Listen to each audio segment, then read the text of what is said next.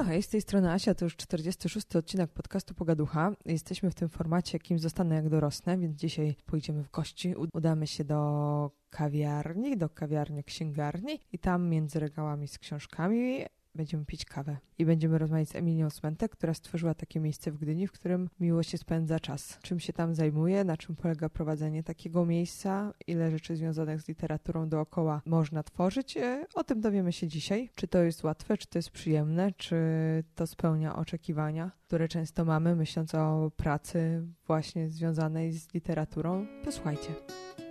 Pogaducha. Ludzie, pasje, praca, kariera. Dzisiaj rozmawiam z Emilią Smentek, która jest właśnie kim jest? Właścicielką, prezesem fundacji, menadżerem kawiarnio-księgarni. Takie informacje znalazłam w internecie. Jesteś tym wszystkim. Zgadza się? Tak. Mhm. Jestem e, prezesem Fundacji Wedemekum i dyrektorem kafe księgarni Wedemekum. I prowadzisz takie bardzo klimatyczne miejsce w Gdyni, w którym można kupić książki i można się napić kawę, można zjeść ciastko i można też po prostu poczuć się miło i przyjemnie, więc takich miejsc jest mało i warto o nie dbać, ale ono jest powiązane z fundacją, z Gdynią, jesteś też związana z e, Gdyńskim Literackim Festiwalem, więc jesteś związana też z Nagrodą Literacką Gdyni. Mm, byłaś, czy dalej jesteś, zaraz się dowiemy, z Miastem Słowa, które jest e, z Gdynią związane, ale ty nie pochodzisz z Gdyni. Czytałam. Ze Szczecina jesteś? Ja mhm. studiowałam w Szczecinie, natomiast pochodzę z Gdyni. Z, może nie z dziada, pradziada, ale pochodzę z Gdyni. Tak, y, jestem związana z Nagrodą Literacką Gdynia od samego początku jej istnienia jako księgarnia Wademekum. I tak, jestem związana z Miastem Słowa, który towarzyszy Nagrodzie Literackiej Gdynia. Naszym zadaniem w miarę upływu lat były różne rzeczy, między innymi moderowanie programowe, a teraz y, przede wszystkim moderowanie książkowo, warsztatowo, w razie potrzeb programowe. Mhm. To zaraz dojdziemy do tej nagrody, ale mnie bardziej interesuje na sam początek, jak to się wszystko zaczęło. Byłaś z Gdyni i zanim poszłaś na studia, to już zajmowałaś się książkami, literaturą? Nie. Nie czystym przypadkiem. Mój tata chciał, żebym studiowała chemię, którą się wtedy interesowałam i byłam o zadziwiające bardzo dobra w te klocki. Teraz już nie rozumiem języka chemii, chociaż mnie on dalej fascynuje. A ja nie chciałam. Ja chciałam e, skończyć jakieś studia humanistyczne, ponieważ jestem córeczką tatusia, no więc e, bardzo to przeżyłam i postanowiłam się usamodzielnić. Wbrew decyzji moim rodzicom wyprowadziłam się z domu i tak dalej. Nie odbyło się to kosztem żadnym cierpieniem, żadnym żadnymi kłótniami, nic z tych rzeczy, żadnych romantycznych scenariuszy książkowych. Po prostu się wyprowadziłam z domu mając bardzo mało lat i zaczęłam samodzielne życie, y, wybierając takie studia, jak chciałam. A książki wyszły. E, poczekaj, poczekaj, bo, bo to była po, politologia? Tak, szukałam pracy po prostu i pierwszą pracę, jaką znalazłam, to były książki w księgarni, która już dzisiaj nie istnieje. Bardzo zakochałam się w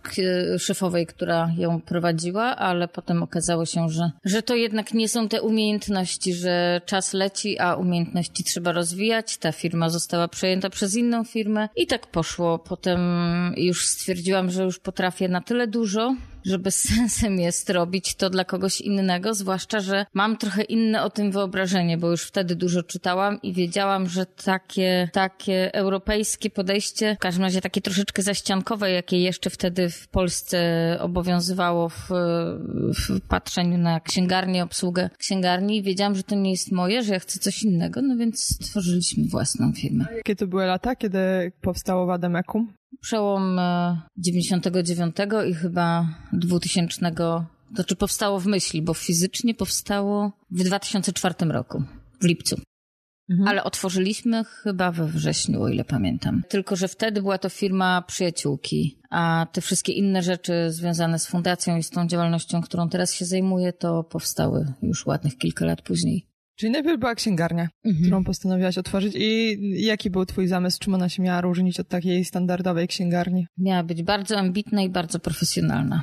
Mhm. To znaczy? Znaczy, co, to znaczy, że nie trzeba nam literować nazwisk i mówić, gdzie, gdzie włożyć do jakiej kieszeni temat, który cię interesuje. Ja sama, ja jestem od tego tutaj w księgarni, żeby znaleźć coś na temat polityki bezpieczeństwa, nawet wewnętrznego, mhm. cokolwiek. Czy jestem w stanie powiedzieć, czy coś jest na rynku księgarskim o, o tym, czy, o tym, czego szukasz, czy nie. Cokolwiek wymyślisz, no nie trzeba mi literować tego. Jeżeli naprawdę czegoś nie wiem, to wtedy mówię po prostu i zadaję pytania, jak człowiek człowiekowi, bo istotną rzeczą jest też to, że bardzo lubię i szanuję ludzi, więc chcę, żeby oni mnie szanowali i nigdy, w każdym razie bardzo rzadko zdarzają się tutaj takie sytuacje konfliktowe, bo mam takie wrażenie, że przychodzisz i jest, mówi o tym teraz już wiele książek, ale ja o tym jakby my to czuliśmy od początku, że miejsce, do którego przychodzisz w jakimś sensie trochę już cię ustawia wobec siebie samego, tak? I już czujesz, czy to jest dobre miejsce, czy to jest dla ciebie miejsce, czy to jest twój klimat, czy nie. I jeżeli w tym miejscu nie ma potencjału na awanturę, to ty, a ty jesteś awanturniczym człowiekiem, to ty nie zrobisz tej awantury. No więc może dlatego tak jest, nie wiem, ci ludzie, którzy tu przychodzą z rzadka się awanturują. No nie wiem, jak to powiedzieć. Nie, myślę, że dobrze to powiedziałaś. No jak przychodzimy do urzędu, to czujemy potencjał awantury. Wademek u mnie czujemy i ciężko chyba byłoby w otoczeniu takich książek i zapachu kawy nagle bardzo no, gdyby się cię obsługa zdenerwowała, to pewnie tak, no. Ale byłoby to trudne, znaczy wydaje no, mi się, byłoby że to trudne, tak. Zapach kawy... Ja nie jestem konfliktowym człowiekiem, więc ciężko mnie wyprowadzić z równowagi, ale no, zdarzają się takie chwile, że że nie jestem w stanie spełnić oczekiwań potencjalnego klienta, który ostatecznie nie okazuje się być klientem, konsumentem kultury, nazwijmy go ogólnie, ale naprawdę bardzo rzadko się to zdarza. Mhm. Mam taką smutną refleksję, znaczy ona mnie naszła mm, przed nagrywaniem tego odcinka, że było kilka takich miejsc. Nie była Bokarnia w Sopocie, tak. była Kafe Fikcja w Gdańsku, tak. była Spółdzielnia Literacka w Sopocie i tych trzech miejsc już nie ma, a ty jesteś dalej i funkcjonujesz, więc y, jakie kolejne rzeczy dochodziły i co się potem e, działo? Ja nie mam dzieci i wszystko to, co tutaj jest, to jest moje dziecko, więc poświęcam temu interesowi cały swój czas, swoje pasje. Mój mąż to akceptuje. Takiego potrafiłam sobie wybrać mężczyznę, e, więc e, może to jest ten klucz. Ja tu jestem właściwie codziennie przez 7 dni w tygodniu, od 9 do 20, we wszystkie soboty i we wszystkie niedziele. I nie mam z tym żadnego problemu, bo jeżeli masz dzieci, to tym dzieciom poświęcasz i rodzinę, dom, mhm. temu, te, te, temu domowi poświęcasz swój czas i dzielisz pomiędzy pracę i dom. Ja nie mam takiego scenariusza w życiu. Ja po prostu jestem większość czasu tutaj i może to jest to. Mam więcej czasu, żeby tutaj powalczyć. Te wszystkie miejsca, które wymieniłaś, może tak nie miały. Nie wiem. Nie znam tych sekretów i tajemnic. Może im się już nie chciało walczyć, bo to jest bardzo ciężka praca i nieustanna walka i trzeba mieć ogromną odporność psychiczną, bo o pasji nie wspomnę oczywiście. Mhm. Działanie w obszarze kultury, w jakim działamy, te księgarnie czy też miejsca też działały, bo to też były dobre, mhm. ambitne miejsca, świetnie prowadzone. To jest bardzo ciężki kawałek kawałek chleba, ale nikt nas do tego nie zmuszał. Albo tego chcesz, albo nie. Ja to wybrałam. I na razie jakoś mi się nie nudzi. Jak już będę po pięćdziesiątce, tudzież po sześćdziesiątce, to się zastanowię, czy mi się nudzi, ale na razie nie jestem, więc na razie mi się nie nudzi. Jeszcze mi się chce. Zaczęła się fundacja. Znaczy, Wadomeką to jest też fundacja. I ta fundacja się zajmuje czym? Szerzeniem, szerzeniem literatury, propagowaniem literatury, tak, tak można powiedzieć. Celem naszej działalności jest przede wszystkim promocja czytelnictwa i jakkolwiek to zabrzmi, świadomego myślenia. Ja bardzo lubię rozmawiać z ludźmi i bardzo lubię ich oświecać na siłę. Niestety jestem z tego znana, że jak mm, czuję, że ktoś czegoś nie wie, to ja bardzo lubię jakby tak miękko przekazywać tą wiedzę i tak jakoś spróbować dialogować, żeby przekonać mm, do wartości samorozwoju, więc tak, tym się zajmujemy. Mhm. A jeśli chodzi o takie konkretne działania, no poza właśnie mm, rozmawianiem z ludźmi? Sprzedaję książki. Okej, okay. to też. Ale nie, chodzi mi, raczej chciałam zapytać o to, czy ta fundacja jest związana z tym festiwalem, czy to jakby oddzielny twór, czy jak to jest zorganizowane? Nie, oczywiście E, festiwal i inne literackie imprezy miejskie to są imprezy organizowane z, z budżetu miasta i do jakby współpracy współrealizacji zapraszane są różne instytucje. Nasza fundacja, jestem tutaj bardzo oczywiście wdzięczna, ale za to docenienie zajmuje się po prostu książkami, no więc siłą rzeczy Nagroda Literacka Gdyni, no i Księgarnia Wadymekum, bo książki, tak? Mhm. Ale księgarni jest tutaj dużo, więc w trakcie, gdy odbywa się nagroda, staramy się, by te inne księgarnie, jeżeli tylko wyrażają na to ochotę, z nami współrealizowały ten tą Mhm. promocję nagrody, jeżeli Mhm. o tym mówimy.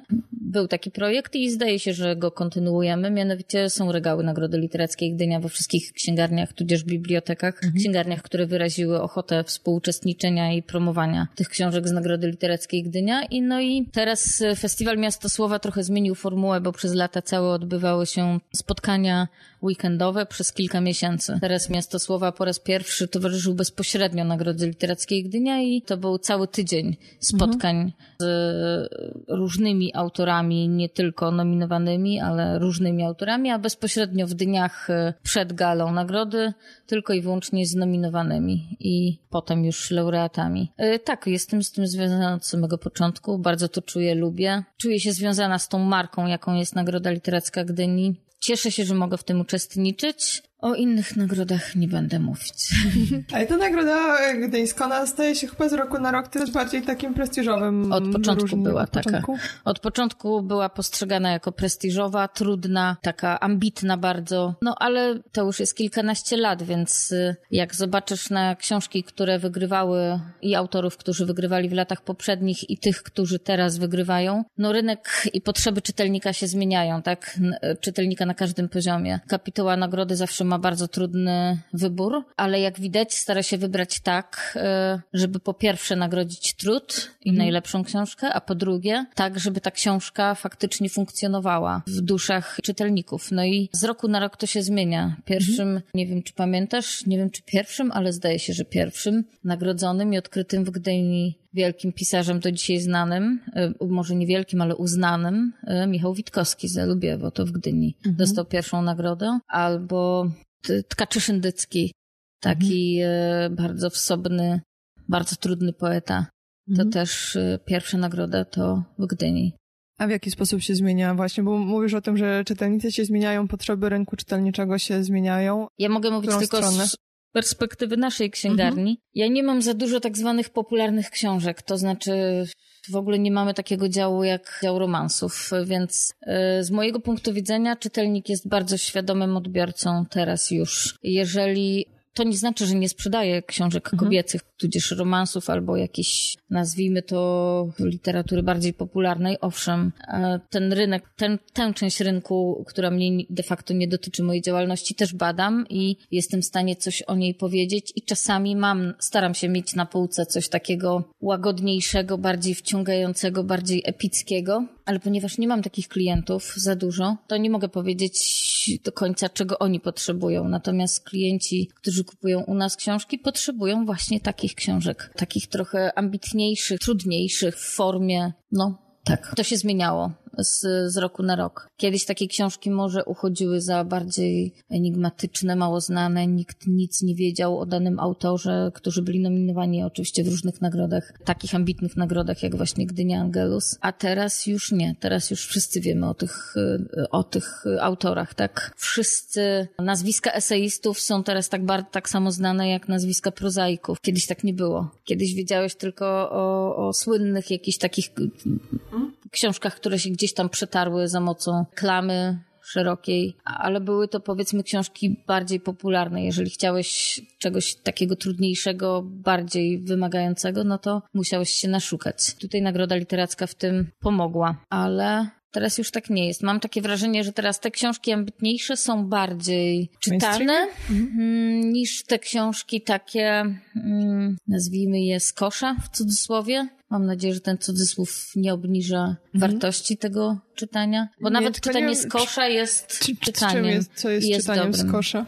Czytaniem z kosza jest takim czytaniem do poduszki i nie chodzi o tr- te, trudny tekst, który cię usypia, tylko czytaniem do poduszki o łatwy tekst, który Mhm. cię usypia. To jest czytanie z kosza. Ale to dobrze, że czytają, bo właśnie są różne Tak. podejścia, nie? Niech czytają. Komiksy, cokolwiek. O, komiks. Komiks to jest sztuka już teraz, więc Mhm. już teraz nie można mówić, że niech czytają komiksy czy cokolwiek. Co ostatnią rozmowę mieliśmy o komiksach z Kingą Kuczyńską, która się zajmuje kobiecym komiksem, więc jeśli masz przesłuchać jeden podcast mój, to, to ten właśnie ostatni z Kingą. Polecam. I no to jest bardzo rozwijająca się i tak Kinga Tak. mówiła o tym, że ona już nie nadąża. Festiwale, Mhm. konwenty, no to jest, to jest też przyszłość przyszłość. Mhm. I że mocno się dzieje, bo dlatego, że mm, powieści graficzne, nie? Znaczy tak, taka jest tendencja do tego, że i to jest Żeby jakby taka forma pośrednia. e, Tak. powieścią Mhm. graficzną, bo podobno komiks brzmi trywialnie. No nie wiem, czy się z tym mogę zgodzić. E, Dla mnie, no dobrze, mogę nazywać powieścią graficzną. Znaczy do mnie Ale trafia. lubię słowo, lubię słowo komiks. Tak. Nie, do mnie powieść graficzna trafia, bo jakby niesie ze sobą tą informację, że jest to jakaś kompletna historia. Nie? W, przy- w przeciwieństwie do takiego mm, szatkowanego materiału komiksowego, y, odcinkowego, Ja wypuszczonego, jestem człowiekiem wiesz. serialowym. Namiętnie oglądam różne seriale, tam poszukuję życia towarzyskiego prawdopodobnie, co wynika z badań socjologicznych.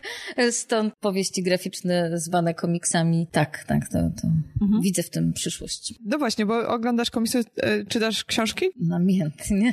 Nie wiem, czy znam kogoś, kto czyta tyle, co ja. Mhm. Z różnych powodów. I po tylu latach i po tym, że musisz śledzić ten rynek, nie tracisz entuzjazmu? Dalej masz ochotę Ja sięgać? czytam, e, no tak, tak, ja czytam dwojako. Ja czytam przede wszystkim dużo zawodowo, bardzo dużo. No i przy tym czytaniu zawodowym przy okazji trafiają mi się takie perełki, które potem okazują się być czytaniem dla przyjemności, a nie zawodowo, chociaż na początku podchodziłam do tego na przykład zawodowo, ponieważ lubię wiedzieć, więc muszę przeczytać, żeby wiedzieć, żeby móc się wypowiedzieć. To tak jak z obejrzeniem czegoś, co nie chcesz, czego nie chcesz obejrzeć, ale jednak musisz obejrzeć, bo, bo jednak, żeby się wypowiadać, tak naprawdę musisz obejrzeć. Trudny film, trudną sztukę. Tak samo z książkami. Ale czytasz od początku do końca, czy... Jak czytam zawodowo, to różnie z tym bywa. Mhm. Są różne metody. Natomiast generalnie tak, od początku do końca. A dla przyjemności co czytasz? Książki o ludziach,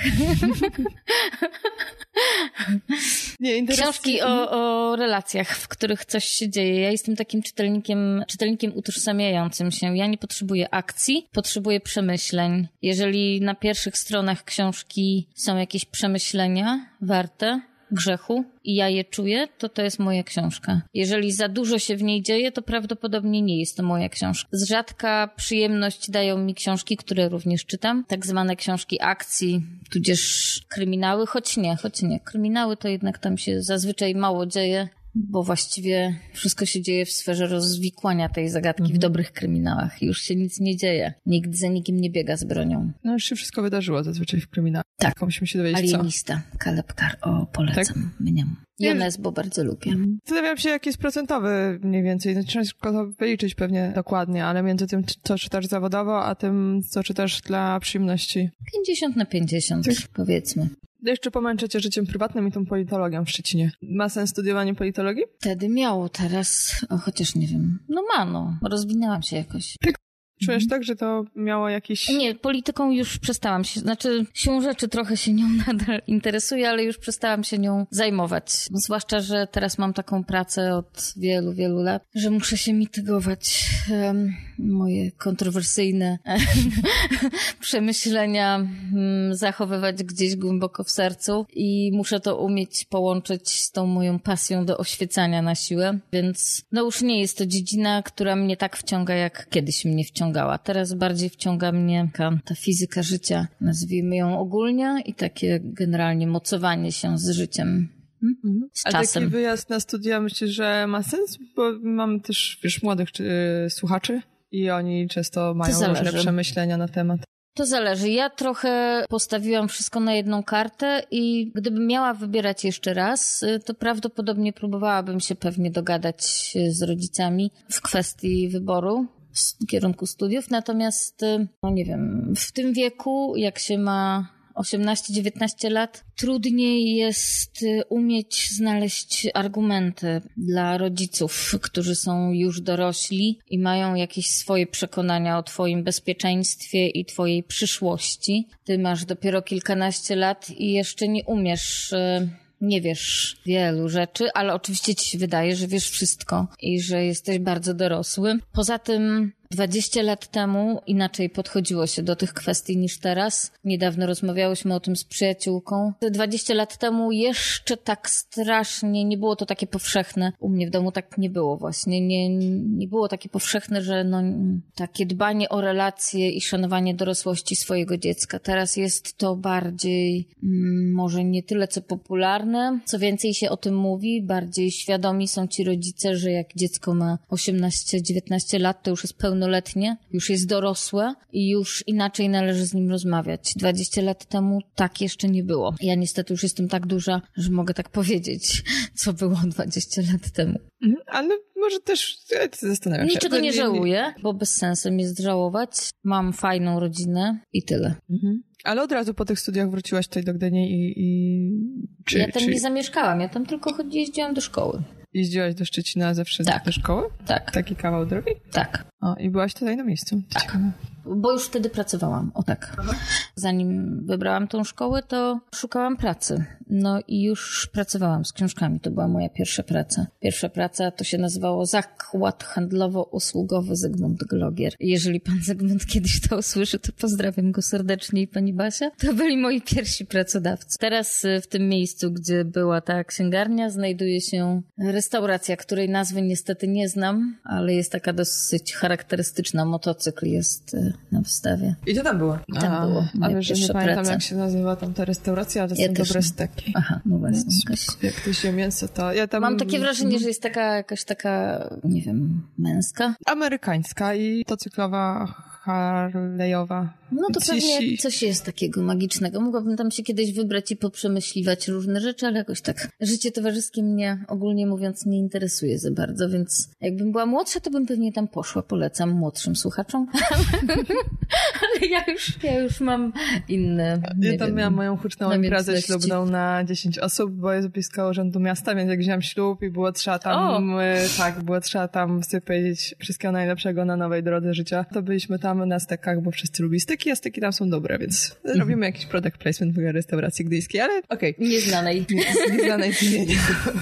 Ale mówisz o tym, że jesteś nie, nietowarzyska. Też jestem nietowarzyska, rozmawiamy. Jakoś to czasem można. E, ja tutaj w księgarni inaczej się zachowuję niż na zewnątrz. Jak tutaj jestem, to chodzę z podniesioną głową i z uśmiechem na twarzy, a jak stąd wejdę, to lubię swój świat. Zazwyczaj chodzę ze spuszczoną głową, patrzę w chodnik lub czytam. Chodząc, czytam, bo już wtedy nie lubię rozmawiać, y, lubię ciszę i spokój. Kiedyś taki bardzo sympatyczny kolega mojego męża zapytał mnie, Emi, jakiej ty muzyki słuchasz, zapewne oceniając mnie po wyglądzie. Ja musiałam ze wstydem i skrępowaniem powiedzieć, że ja właściwie nie słucham muzyki, mhm. bo ona mnie nie odpręża. Ja czytam książki najzwyczajniej na całym świecie, a jak nie czytam, to oglądam seriale namiętnie. Mhm. I i właściwie tyle. I gotuję, i dużo milczę, i patrzę w ściany, w sufit. Lubię się gapić na ludzi. Nie mówić do nich, ale się na nich mhm. gapić. W skrytości, gdy oni tego nie widzą. No a tu praca w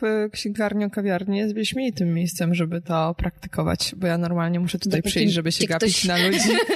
Dopóki cię ktoś nie zaczepi, wtedy musisz mówić o książkach, ale potem, jak już on się zajmie swoimi sprawami, to możesz ty się na niego pogapić. I sobie ludzie... powymyślać scenariusze na temat jego życia. Nie wchodząc wchodząc z butami w to życie. Mhm. Tak, no fajne. Książkowe. Taka książka na życie. Gdybym umiała rozumiem. pisać, to bym napisała o tym. Tak. Ale nie umiem pisać, więc szanuję tych, którzy potrafią. Znaczy ludzie w mojej wyobraźni są dużo bardziej interesujący niż ci ludzie, których spotykam w życiu, więc może to jest problem i potem nie masz ochoty poznawać ludzi, bo tak długo jak coś na nich patrzysz, to jesteś w stanie no. sobie wymyślić to lepiej. Tak, tak. tak. Coś, coś w tym jest, zgadzam się. W autobusie uwielbiam się gapić na ludzi. Oczywiście udaje, że, że się nie gapię, ale się gapię. Kto przychodzi do takich miejsc jak twoja? Jak tak sobie na nich patrzysz? O, bardzo różni ludzie.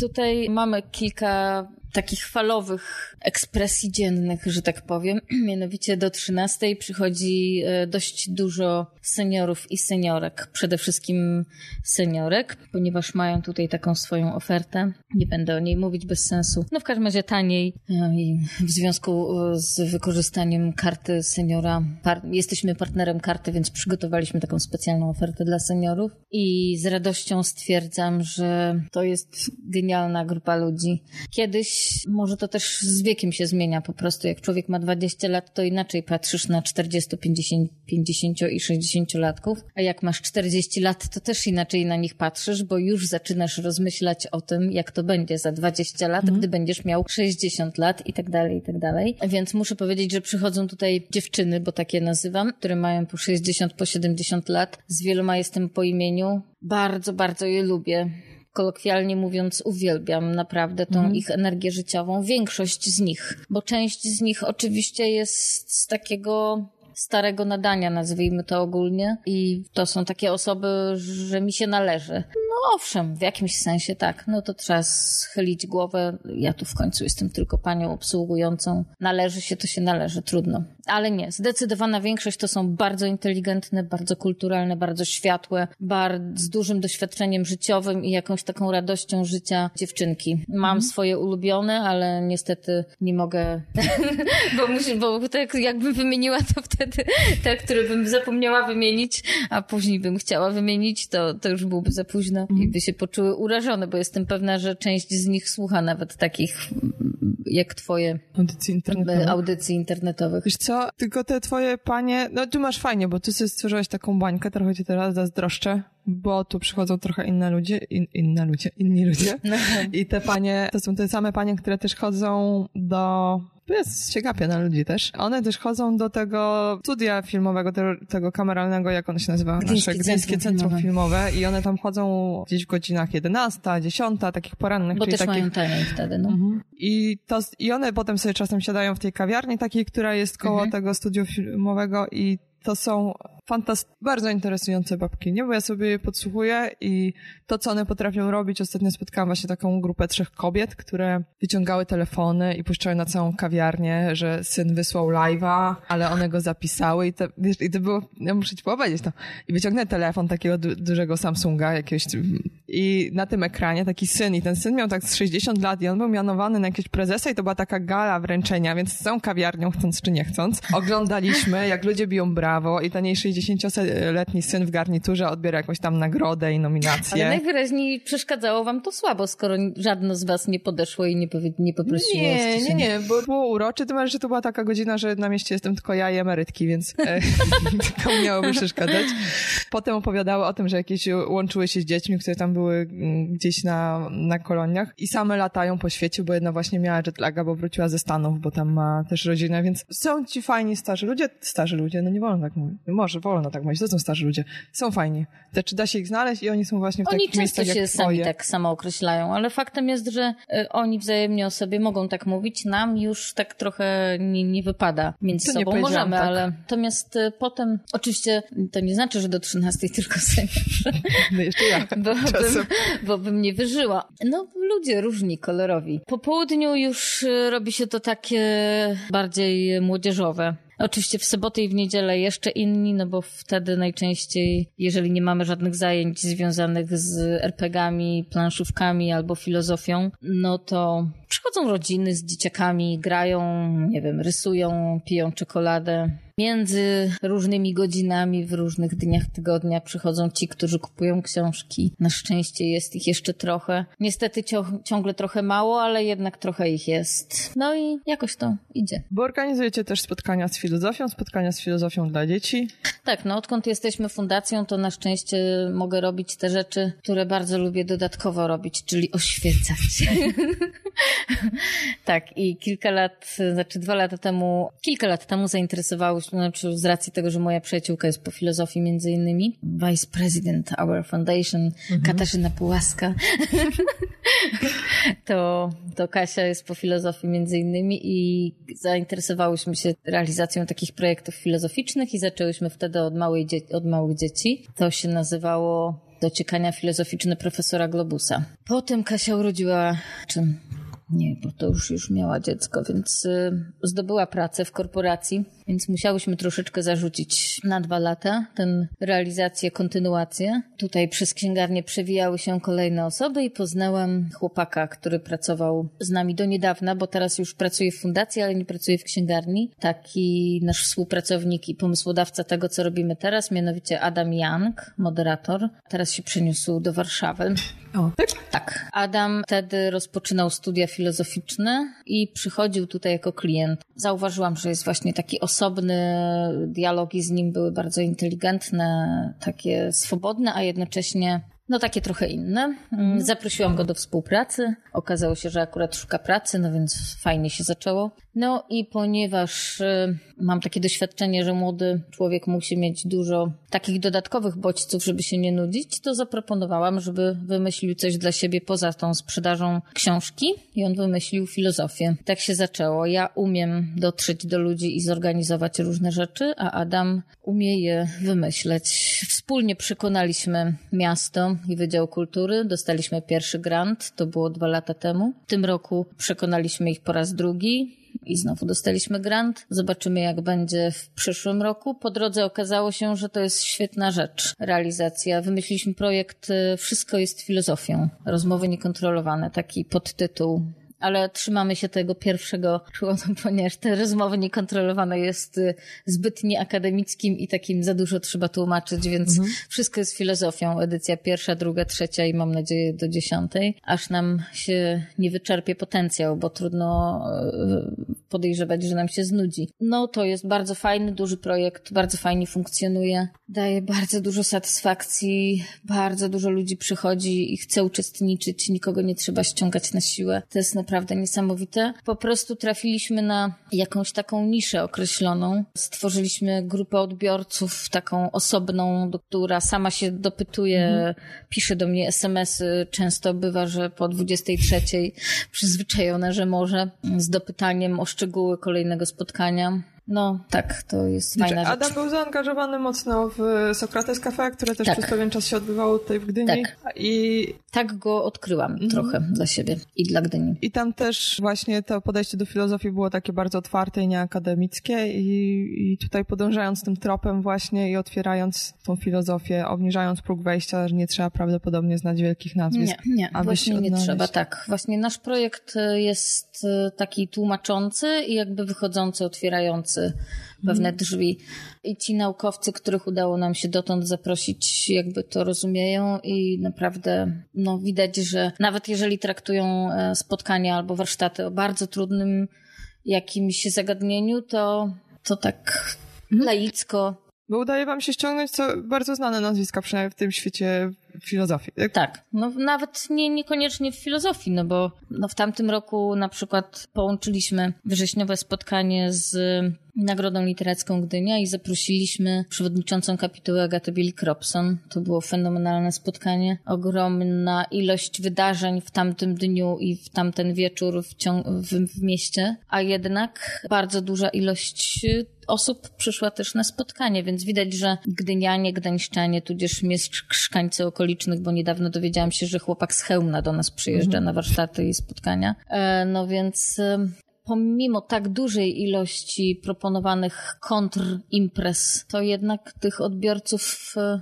takich spotkań, nie wiem, bardziej duchowo-dyskusyjnych, jak widać, jest bardzo dużo. Naprawdę wtedy bardzo dużo się działo i mimo wszystko na spotkanie z Agatą Bieli-Grobson przyszło około 100 osób. W tym roku też połączyliśmy z Nagrodą Literacką Gdynią i było naprawdę rewelacyjne spotkanie z Adamem Liprzycem. Polecam, na YouTubie jest, na naszej mhm. stronie i fanpage'u. W tym roku gościliśmy Agnieszkę Kołakowską. Niesamowite spotkanie. Tak, no jest w tym ogromny potencjał w tych rozmowach, w tych spotkaniach. W przyszłym roku mam genialny pomysł, ale na razie nie mogę o tym mówić, ponieważ, e, ponieważ jeszcze nie udało mi się nawet podejść do projektu e, z próbą przekonania. Projekty się składa jakoś do początku grudnia, więc jeszcze mam trochę czasu. Genialny mam pomysł związany z, tutaj zdradzę tylko e, sekret, zawsze będzie taki, zawsze w, w projekcie filozoficznym jest taki motyw łączący. W pierwszym roku było to życie w ponowoczesnym świecie, w kontekście globalizacyjnym, socjologicznym, filozoficznym i politycznym, a czasem gospodarczym mhm. w wypadku spotkania z niesamowitym doktorem Andrzejem Karalusem, to było w kwietniu czy w maju ubiegłego roku spotkanie. Natomiast w tym roku jest polska myśl humanistyczna i w ogóle e, polscy naukowcy, ich badania, ich prace, bo mamy stulecie odzyskania niepodległości. A w przyszłym roku będzie transhumanizm. O mój Boże. Mniam. No po prostu moje ulubione seriale, wszystko na żywo. No, moje ulubione książki, Modyfikowany Węgiel, e, Przeniesienie Podobało Świadomości. Podobało Ci się Modyfikowany Węgiel? Ja go ostatnio krytykowałam. Oczywiście. Takie tan, tanie porno dla nastoletnich, pryszczatych chłopców w niektórych momentach. A, to znaczy ja... Y, zaskoczyłaś mnie. Y, to znaczy, może tak, y, zależy ile ma się lat. Jeszcze raz niestety muszę to powtórzyć. Chyba już jestem w takim wieku, że syndrom wieku mnie trochę dotyka. Mianowicie w określonym wieku oglądasz bądź czytasz mhm. tę samą książkę może przeczytać dwudziestolatek i się zachwycić, bo widzi w niej coś innego. Mhm i czterdziestolatek i mhm. się zachwyci, bo widzi w niej coś innego. No, wiesz, więc a ja jestem po środku i się nie zachwyciłam niczym. W modyfikowanym węglu? O tym mówimy? Tak, no nie, nie mówię, że się nie zachwyciłam niczym, bo przeczytałam, no widziałam serial i mhm. widziałam Więc książkę, tak, książkę, książkę się wciąga nosem, po prostu jest naprawdę, znaczy mhm. osobą, ja nie czytuję za mhm. dużo science fiction, natomiast interesuje mnie idea e, przeniesienia świadomości i rozwój techniki, technologii i jej możliwości. Widzę w tym oczywiście i problemy, i, i szansę ogromną. Mhm. Lubię o tym rozmawiać, rozmyślać, wymyślać i myślę, że wiele ludzi lubi. Tutaj z doświadczenia wiem i dlatego troszeczkę to wymyśliłam jako taki motyw mhm. spajający y, tego projektu w przyszłym roku. Natomiast w modyfikowanym węglu ci, którzy czytają science fiction widzą pewnie te, te wizje, dodatkowe mhm. możliwości. Ja nie czytuję, ja tą, tę, tę mhm. działkę literatury traktuję zawodowo, ale to akurat przeczytałam przy okazji zupełnie. Okazało się, że dla przyjemności to ja w modyfikowanym węglu widzę te rzeczy, które mnie interesują z punktu widzenia właśnie etyki, filozofii. Przede wszystkim interesowało mnie nie, może nie to upowłokowienie, mhm. tylko to przeniesienie świadomości i to, jak na to teraz patrzymy, że to jest absolutnie możliwe a 20 lat temu prawdopodobnie traktowalibyśmy to tylko jako powieść właśnie taką SF. Natomiast zgadzam się co do tego, że im młodszy czytelnik, tudzież widz, to widzi w tym tą, e, tą, tą, tą jeszcze tą ludzką mm, warstwę spajającą, bo serial jest trochę inny niż książka. Mhm. Trochę inaczej są rozłożone akcenty i faktycznie ten, ten seks w tym, w tym serialu jest trochę inny niż w książce, jakby bardziej się trochę liczy. W, w książce tak nie ma, przynajmniej z mojego punktu widzenia. No, no główny i... wątek się kręci. No, no rozmawiamy na temat książki. Ale trochę jakby ten motyw, do którego zmierzamy, to on mówił nam właśnie, no nie spoilerując książki, jednak, że jest istotny. Znaczy... Akurat modyfikowany węgiel to takie połączenie trochę, faktycznie masz rację, coś może w tym być. Ostrej e, jazdy takiej erotycznej, a tej SF, o którym mówiłam, z tą świadomością i przede wszystkim powieści sensacyjnej, bo jednak ten Takashi Kowacz jest mm, genialnym żołnierzem, no więc jest powieść sensacyjna. Ja tam nie widzę tego ostrego seksu na planie pierwszym, no ale rozumiem, że Nie, może, że, nie, że nie na planie. Wiesz co, znaczy ja wynotowałam sobie trochę rzeczy, bo pracuję nad projektem, nad którym, o którym nie mogę mówić, aczkolwiek też jest związany z właśnie mm, z transhumanizmem, więc interesujące to się łączy. I potrzebowałam kilku wątków wątków, które wynotowałam, ale jakichś pomysłów i zajawek i nazw, więc no po to mi to było potrzebne, ale to nie zachwyciło mnie aż niesamowicie. Zachwycił no mnie, mnie za to plecak tak głównego bohatera z serialu.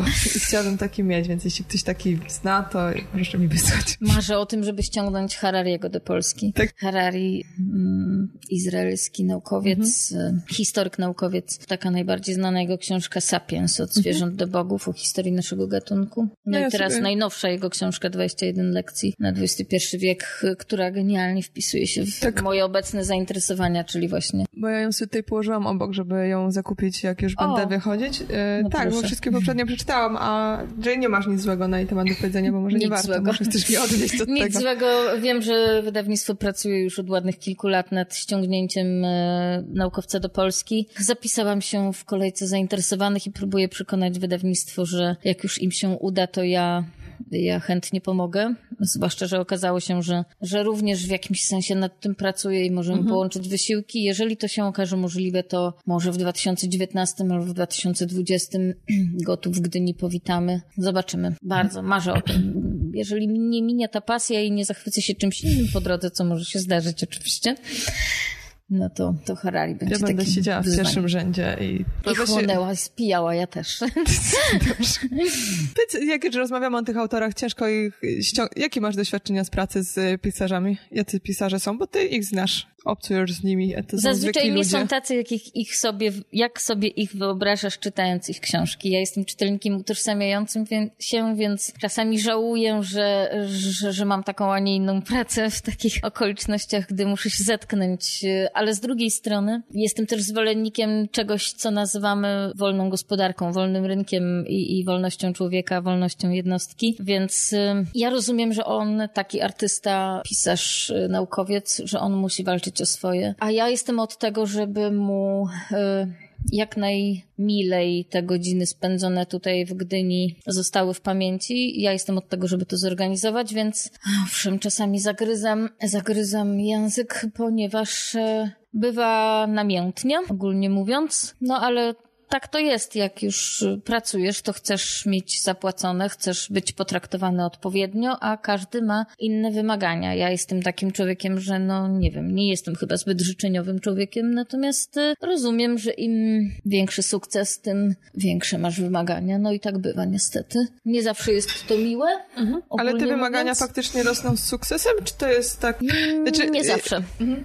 Powiem ci, jak ja mam z umawianiem się na rozmowę, bo mamy już 2019 obrobiony w miarę, znaczy zaplanowany fajnymi nazwiskami między innymi i czasem jest ktoś taki topowy i naprawdę, no, powiedzmy, który ma dużo zajęć, no bo jest w mediach różnych i dużo rzeczy robi i ja zagajam jako zupełnie nieznany człowiek i mówię, nie ma problemu, piszę cię w kalendarz, czy może być na przykład 15 stycznia. A są mhm. tacy ludzie, którzy są ludźmi tak jak ja, sławnymi umiarkowani, o ograniczonej sławie i próbujesz się z nimi umówić i oni są wiecznie zarobieni i oni muszą mieć, wiesz, przywiezieni taksówką i rozłożyć czerwony dywan. Tak jest też z tym Wiesz, pistonami? na przykład ja też też często używam argumentu, że jestem zarobiona i, bo generalnie jestem zarobiona strasznie, ale tak, no, chyba tak to jest, że po prostu to, to, to, że y, unikasz jakichś wyjazdów albo y, jakichś spotkań, czasami faktycznie wiąże się z tym, że naprawdę masz takie poczucie, że jesteś bardzo, bardzo, bardzo zarobiony, a czasami wiąże się z y, lenistwem, a czasami wiąże się z takim niedopracowaniem swojego kalendarza i brakiem umiejętności pracy nad tym kalendarzem, a czasami z charakterem, bo pewnie są tacy, którzy lubią być właśnie, tak jak to mówisz, proszeni i czerwony dywanik i tak dalej ale z doświadczenia wiem, że do każdego człowieka jest klucz, tylko trzeba odpowiedniego drugiego człowieka, który ten klucz znajdzie. Ja mam taką metodę, że jak wiem, że nie, nie dotrę do kogoś, to namawiam kogoś, którym mam wyobrażenie, że dotrze do tej gwiazdy i często to się okazuje skuteczne. Ludzie będą czytać, czy przestaną czytać, bo będzie już tylko Najnowsze oglądać? badania pokazują, że będą czytać wersję papierową. Tak. Papier. Będziemy się rozwijać ewidentnie. Mhm. Na pewno to, o czym będziemy rozmawiać, mam nadzieję w 2019, mianowicie rozwój nauki i techniki pójdzie znacznie do przodu, co niesie pewne niebezpieczeństwa, ale książka papierowa zwycięży. To znaczy będzie też książka elektroniczna mhm. na szczęście, bo są tacy, którzy mm, tylko i wyłącznie na to mają czas i już gratuluję. No, przekonałam się do tej wersji. Tak, że akceptujesz. Czytanie to czytanie. Wiesz co? Mhm. Nie, ja się przysiadłam z papieru na słuchanie. Cały czas nie jestem w stanie, znaczy ciężko Podziwiam, mi się bo czyta. ja nie umiem słuchać. Znaczy się. książek nie umiem mhm. słuchać.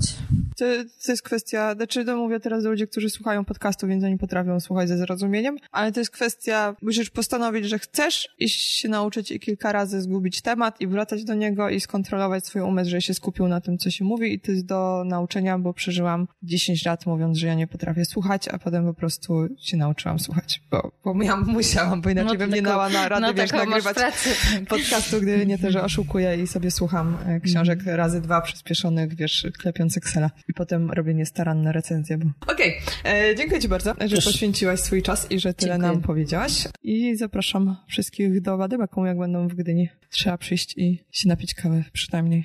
Przeczytać książki jakieś. No, ty, ty a, sprzedaż kupić, książki, jak tak, ty zbawię na kawę, a tak. ty książki do, do, tak. do sprzedaż zrobisz. Okej. Okay. Dobra. Pa, Dziękujemy, do zobaczenia. To by było na tyle. Kolejny odcinek Pogaduchy już za tydzień.